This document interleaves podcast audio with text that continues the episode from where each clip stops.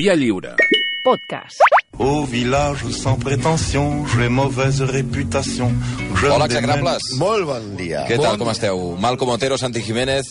De seguida eh, apareixerà Gemma Herrero per fer la qüestió del Mundial i la quedada especial, que és eh, com la definim, efectivament. Mai l'han enviat, no, la Gemma? O sigui, és una cosa in increïble, tota la vida dedicant-se al... Jo al- esperant que l'enviïn un dia.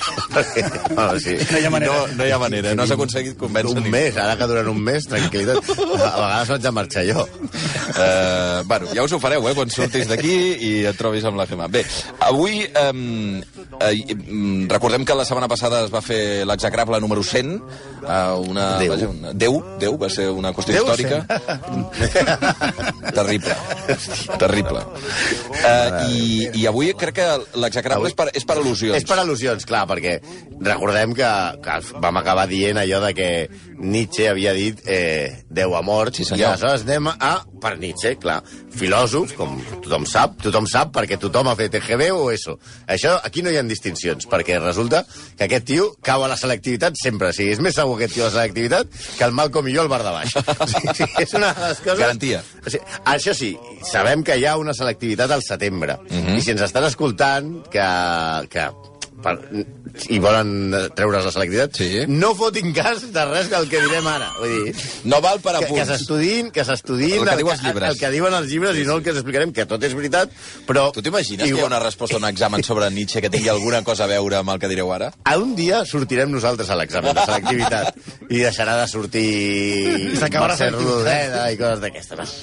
No, no pues això, si, si no voleu allò cagar-la la selectivitat, bueno, primer no feu la selectivitat, apunteu-vos a l'exèrcit o si sigueu futbolistes o tenistes o jugadors de golf, però si ja us fa gràcia anar al bar de la facultat que sigui, que és per això que hi aneu, no ens feu cas a nosaltres. Nietzsche és el, el filòsof aquest que suposadament bueno, va escriure, va crear el concepte del Übermensch, que és el, mal traduït el superhome, que no és, sobretot si anem a la selectivitat, no vol dir res de la Marvel ni res. A més a més, això de superhome està mal traduït, vol dir suprahome, està més enllà l'home. Mm. Però bueno, no us fotrem el rotllo, que ja, ja us l'han fotut bastant els profes. Eh, però què era Nietzsche? Nietzsche era un filòsof misògin, misàntrop, misàntrop és quan us lleveu amb molta ressaca, o sigui, no vols veure ningú. Un tipus contradictori, pervers, racista, i que a sobre, el pitjor de tot, eh, era un pagafantes de primera. Oh, sí? Sí. Friedrich Wilhelm Nietzsche, conegut simplement com Nietzsche.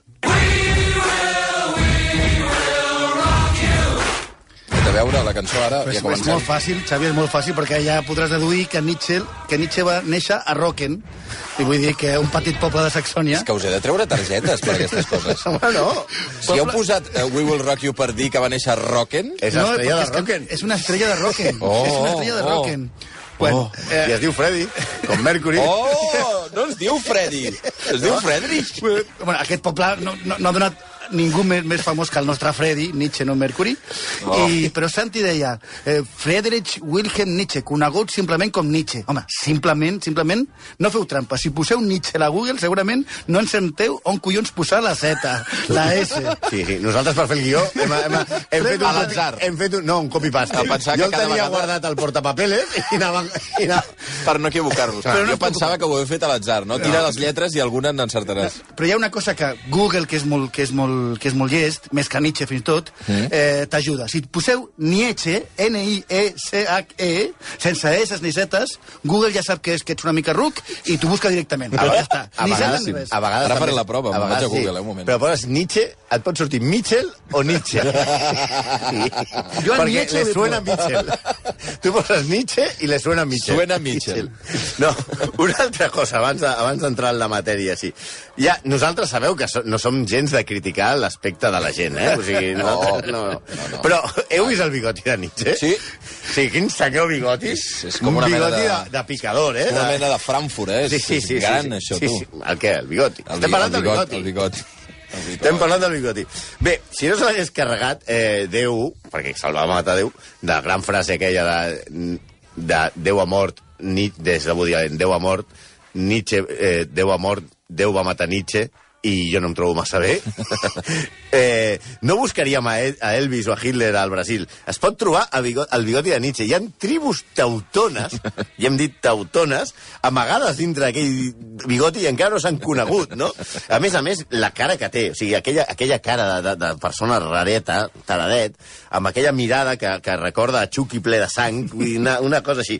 Però, de fet, el tema de la mirada té una explicació, perquè ara veurem que el nostre amic veia menys que rompetechos. Sí, aquesta vegada sí val la pena una, pena una petita visió de la seva infantesa. Visió nostra, no, seva, no seva, perquè ell no que veia s'hi res. veia, que no s'hi veia. Que va ser dura. El seu pare, que era un pastor luterà, pels de l'ESO no té ovelles. Els ramats són els feligresos. És una mena de cura, però que pot cardar. Vinga, doncs el, allà, el allà. que deia. Oh. El seu pare mor d'un d'un problema cerebral quan, té, quan ell té 4 anys i el seu germà mor entre convulsions pocs mesos després. Hosti, Això ja marca. Sí, home. Drama. potser no tant, Pobre- pobre perquè Freddy. el seu escrit de joventut ho explica amb bastanta fredor, eh? Diu, literalment, mesos després vaig perdre el meu únic germà, un nen viu i intel·ligent, que va tenir un atac de convulsions i va morir en uns instants. Apa, una altra cosa. De la seva infantesa ens saltarem també altres episodis, com quan el van fer fora regularment de l'escola Ah, sí? per, per anar borratxo. A l'escola? Sí. Bueno, és que abans t'expulsaven per qualsevol és que cosa, t'expulsen eh? per qualsevol cosa. O sigui, ara t'expulsen... aqu- Ara, ara el Basté està preocupat per lo del mòbil, Sí. pues abans estaven preocupats perquè la gent anava a taja al col·le. Ah, per al cole? Sí, sí, sí, bueno, a l'institut. Menors d'edat, sí, sí. A l'institut, bueno, ara també deu passar, imagino, no? Mm, bueno, però a, a, part del tio, a part del tio de Mamàmol, eh, era un tio intel·ligentíssim, un prodigi en filologia, en teologia. Imagineu-vos que era tant que el 1869 la Universitat de Leipzig li atorga el doctorat sense que fes falta examen ni dissertació. Perquè ja ets prou bo. Sí, perquè no hi havia un profe amb collons per, per examinar-lo, perquè ell era més bo que qualsevol... O sigui, no era el tipus Pablo Casado, eh? Ja. Sí. Aleshores és quan ell comença a llegir un altre execrable, Schopenhauer, i en aquella època uns amics, que allò que quan ja sortien borratxos de la universitat, surten i diuen, què, anem a estudiar? No, anem a putes. I aleshores Vinga. van a un prostíbul i, que és la primera vegada, segons explica ell, Ahà. que va a, a putes, Vinga, torna. i, i agafa la sífilis que és una malaltia venèria que s'agafa per contacte sexual i que no tingueu por, els més joves que ens sentiu, que amb la pantalla no passa res. Vinga, va, Vale? xato. Va, tira. La sífilis Oh, i les seves seqüeles l'acompanyaran tota la vida. I s'especula que pot ser un dels motius del seu desgraciat final, que ja veureu, que a més de fantes es veu que el tio pagava altres coses. Sí, ja, ja des de ben petit va tenir una mala salut de ferro. Al col·legi, on va estar internat, va passar quatre cops per la infermeria i era freqüent que l'enviessin a casa. Quan fa el servei Va, militar... No només perquè anava borratxo, eh? Sí, sí, aquest, aquest com no. Quan fa el servei militar, cau del cavall. Home, si no t'hi veus, si veus, no veus tres en un burro, què collons fas a cavalleria? Bueno, en aquella època És mal que no van posar artilleria. fa una cosa, fa una cosa que mola molt. I és que Nietzsche renuncia a la nacionalitat alemanya i va viure, va viure per sempre des d'aquell moment sense ser de cap nacionalitat. Ah, no, no, no tenia... Sí, no, és, això ho he mirat i ara és, és impossible, això no es pot fer ara. Però m'encanta. Nom, Friedrich Wilhelm Nietzsche. Nacionalitat, Nietzsche. que seria nacionalitat Nietzschetarra o Nietzscheà.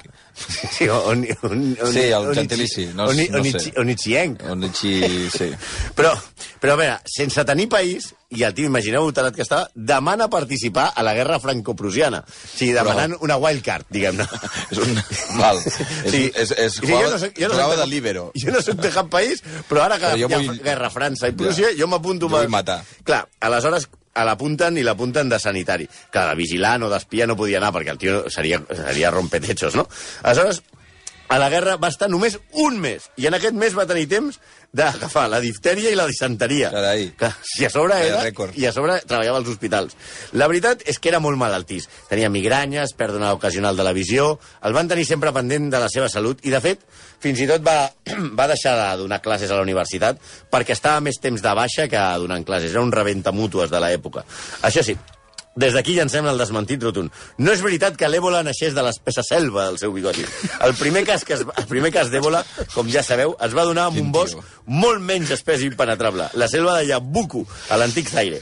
Entre altres coses, perquè dintre les manies que tenia Nietzsche, ell considerava que perquè la seva mala salut no empitjorés, Sí. la temperatura ideal a la que havia de viure era entre 9 i 12 graus. Sí, o sigui, era la princesa Elsa de Frozen. amb bigoti. Però amb aquell bilo- bigoti congelat com el Johan Mulek. Sí, sí, exacte. I menjant sopa. Me- Imagineu-vos Nietzsche menjant sopa de fideus. Eh, però comencem a veure les, les misèries, Ai. va- les veritables, veritables misèries de, de Nietzsche. Per començar, les seves amistats. Nietzsche tenia una fabulosa, fabulosa habilitat per perdre amics i una grandíssima habilitat per convertir amics en enemics. Ara seria carn de reality a Supervivientes o Gran Hermano. Hi ha molts casos, eh? però el més conegut és el del gran Richard Wagner, el compositor, no el lateral de Brasil, que també serà execrable, vull dir el compositor. El compositor. Wagner, sobre els 50, i Nietzsche tenia 24 anys. Es van fer íntims. Nietzsche va passar a ser com de la família de Wagner.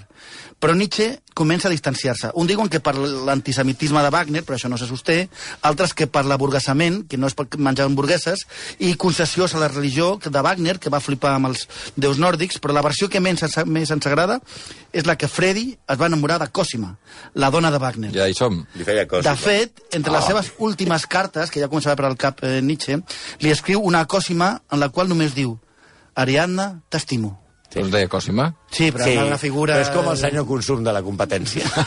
Conrad Consum. és Conrad Consum. Que li diu Elisenda a tothom. A tothom, exacte. I, i, en una, I en una de les seves últimes cartes li escriu al seu amic Jacob eh, Burkhardt la resta és tot per la senyora Cosima. Vaja, que sembla que la senyora Cosima li feia endurir el bigoti. Noi, va.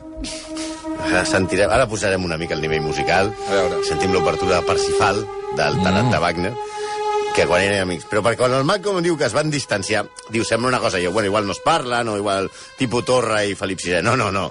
La ruptura és pública en plan Susana Díaz, Pedro Sánchez, Errejón Pablo Iglesias o Higuaín amb l'afició argentina. Hi ha un vídeo fantàstic d'aquell aficionat di- dient vamos Pipita. Estoy gritando vamos Pipita, estoy desesperado. Clar, és, com, és com si tu, amb un partit del bar, estàs dient «Vamos, Alcácer!» No, no, és allò, d'estar molt desesperat. Doncs resulta que, que uh, clar, Wagner i Nietzsche, emprenyats entre ells, dos cabezabuques tremendos. Si només ha de veure que Wagner composava unes tutxarres de 40 hores i l'altre escrivia uns llibres que no s'entenia ni Déu. O sigui, imagina't aquests dos tios emprenyant-se entre ells, no? I, i, i, i Nietzsche acaba dir que era molt amic de, de Wagner, com ja hem dit, però que, clar, li feia més tiril la seva dona, va, de, va arribar a dir sobre Wagner. I això, que jo era un dels wagnerians més corromputs, capaç fins i tot de prendre en Wagner seriosament. Sí, o a Wagner o te'l prens seriosament o no sé com tu cony te'ls has de prendre, perquè no crec que ningú a la rebetlla foti Parsifal. Però vamos, és igual. El pallasso de Wagner. El més gran, també diu, Wagner, el més gran dels triomfadors, en aparença. En veritat és un decadent, decrèpic i desesperat. Va caure de cop i volta, destrossat sense remei, posternat davant de la creu cristiana. S'ha de dir que tampoc Wagner era un sant, eh? En els seus en els primers símptomes de decadència mental de Nietzsche, Wagner diu que Nietzsche pateix onanisme, és a dir, Eh? eh? masturbació desenfrenada i pederàstia, diu. Efectivament, això és veritat, Nietzsche pateix en un dels seus eh, genitals un eczema crònic Un dels genitals. i té, i té una cicatriu a la dreta del frenulum, vull dir, del, del frenillo. Vinga. Segons un certificat mèdic de la química de aportem, Gena... aportem certificat. De- del 1889. Aportem certificat de la clínica de Gena. 1800, firmat per al doctor Sem Poyet. Sembla que es va trencar l'espasa de tant netejar-la i que la seva afició escolta, per està apoloniar-se sent les... terrible, això, eh? Bé, seguim. Però al principi ja hem, dit i- que, ja us hem dit que Nietzsche era, un, a part d'un pajillero, un misògin. Va. Però misògin oh. és poc. Anem a veure quina, quina relació tenia el nostre taradet amb l'amor i les dones. Recordem que s'havia criat entre dones, perquè Sí. havia mort el seu pare, el seu germà, i el van criar la seva germana, que estava més boja que ella encara, una senyora que se'n va anar a, amb, amb, amb, un, amb un senyor que, amb el qual es va casar a fundar una colònia alemanya al Paraguai l'any 1890 i, i Thomas Mann defensa que Nietzsche en veritat estava enamorat de la seva dona de la seva dona, perdó, de la seva, seva germana, germana. ella, tam- que va acabar així sent una nazis, eh, li va boicotejar totes les, les relacions amoroses que intentava tenir. Però anem al gra. Nietzsche era un tipus molt rar amb les dones. Bé, era rar en tot, però amb les dones molt més. Una de les primeres va ser Rosalie Nielsen, res a veure amb Brigitte, Nielsen. que era una fan, una seguidora... Ni Leslie. Que, que havia llegit No l'origen estem de la anant bé, eh? tragèdia i havia mantingut una correspondència amb el seu admirat filòsof. Finalment, queden a un hotel. I ell, en comprovar que no era molt agraciada ni molt endreçada, va sortir. Alguns diuen que per la finestra, corrent, cridant monstre, m'has enganyat. Franz Overbeck, amic de, del nostre Freddy, es va excusar amb la senyora i li va dir, perdona, que el meu amic és un idiota, ja saps, no? Aquesta és la versió original de Contigo no, bicho. Com a concursant de First Dates, tampoc tindria desperdici, eh? Dantesc, eh? La sortida per la finestra cridant... Eh. Contigo no, Vicent. Exacte. Ja diu... I ja se va anar i a, a darle al manubrio. Després van haver- van, van haver-hi diverses mm, dones amb les quals va tenir només relació epistolar, que ja us hem explicat que és com els emails, però escrivint a mà. Potser frustrat o per la poca bellesa del seu primer intent, però clar, és que ell tampoc diguem que fos molt guapo. O sigui, per haver sortit dient... Ell es tenia un alt concepte de si mateix. De fet, el que era ell era un machirulo antifeminista, però la que veia una dona guapa començava a bavejar i li demanava matrimoni de seguida. Especialment era el que més li agradava eren si eren roses i riques. I si no eren roses, que fossin molt riques. I ja li semblava bé, Per això. compensar. Per, exacte. El primer intent que va tenir eh, per casar-se va ser amb Berta Rohr, però la seva germana, ja com hem dit, molt gelosa de les dones amb les que eh, alternava Nietzsche, va boicotejar la relació. El, un altre intent fallit del nostre pagafantes eh, prussià va ser Matilde Trampendag, pianista. Nietzsche la va veure tres vegades. O sigui, va, va, la va conèixer i la va veure un parell de vegades. I van tenir una relació molt cordial, però una mica freda, i ella va rebre una carta en què ell deia que l'estimava i que es casés amb ella, amb ell. Naturalment, ella va rebutjar amb una carta molt amable al matrimoni, una carta molt amable que denotava que ella s'havia donat que ell era un dement, no? Però no oblidem que, com ara veurem, eh, una de les frases que havia deixat per escrit el nostre Nietzsche era fins ara hem estat molt gentils amb les dones, però, ai, arribarà el dia en què per tractar una dona primer hauria d'aventar-li una bufetada a la boca. Molt bé.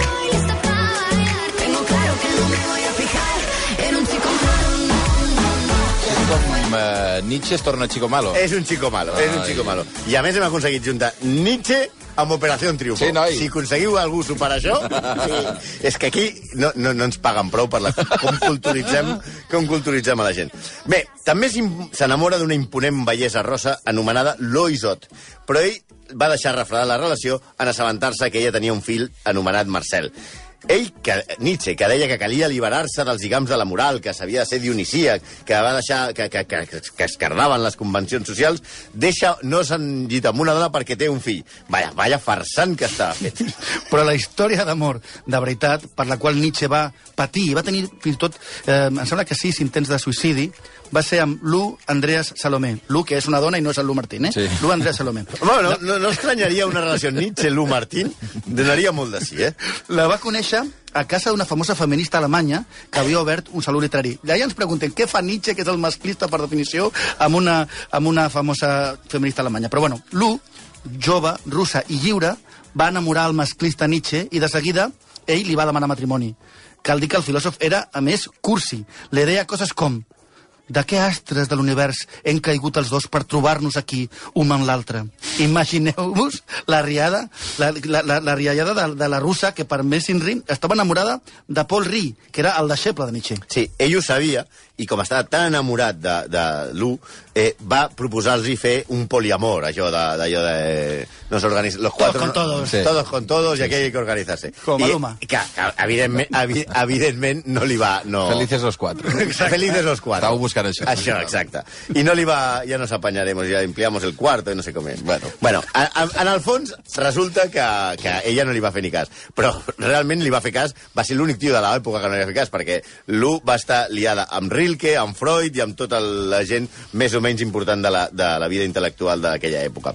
Ell no es va prendre massa bé la negativa de l'amor de la seva vida i li va escriure una carta poema. I alguns versos, resumiré, són Mai he conegut una persona més pobra que tu, Carai. eh, en efecte sempre malalta i elabora la bogeria, tens molt mal comportament, no ets fiable, tens un cervell amb incipients indicis d'ànima o el caràcter d'un gat, depredador disfressat d'animals domèstica. No tens ni diligència ni puresa. Bé, diguem-ne que, Molt bé. que el tio eh, ho portava bé, això, Un- el trencament. un homenatge. Molt maco, eh? Sí, sí. sí, per veure la misogínia de, de Nietzsche, res com les seves pròpies paraules, no?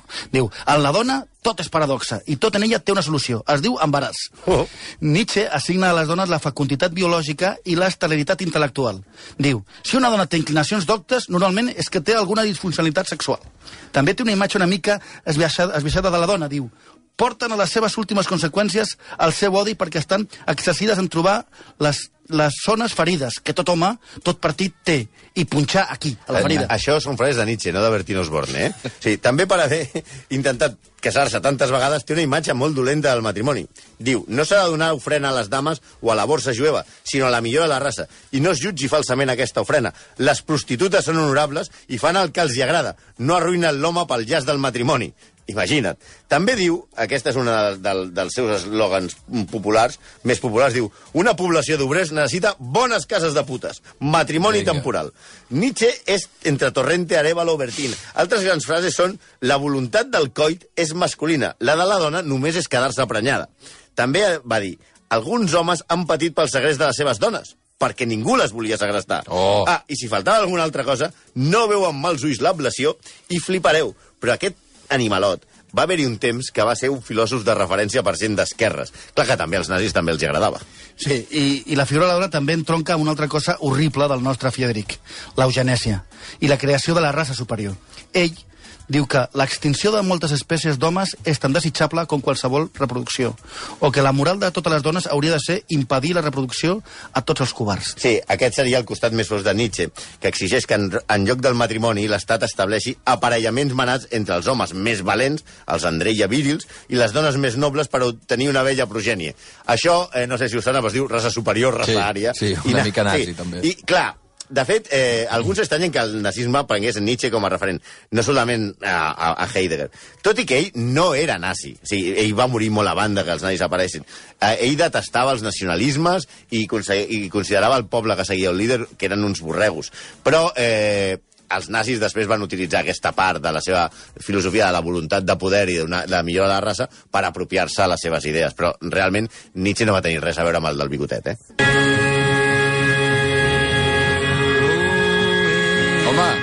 La Velvet.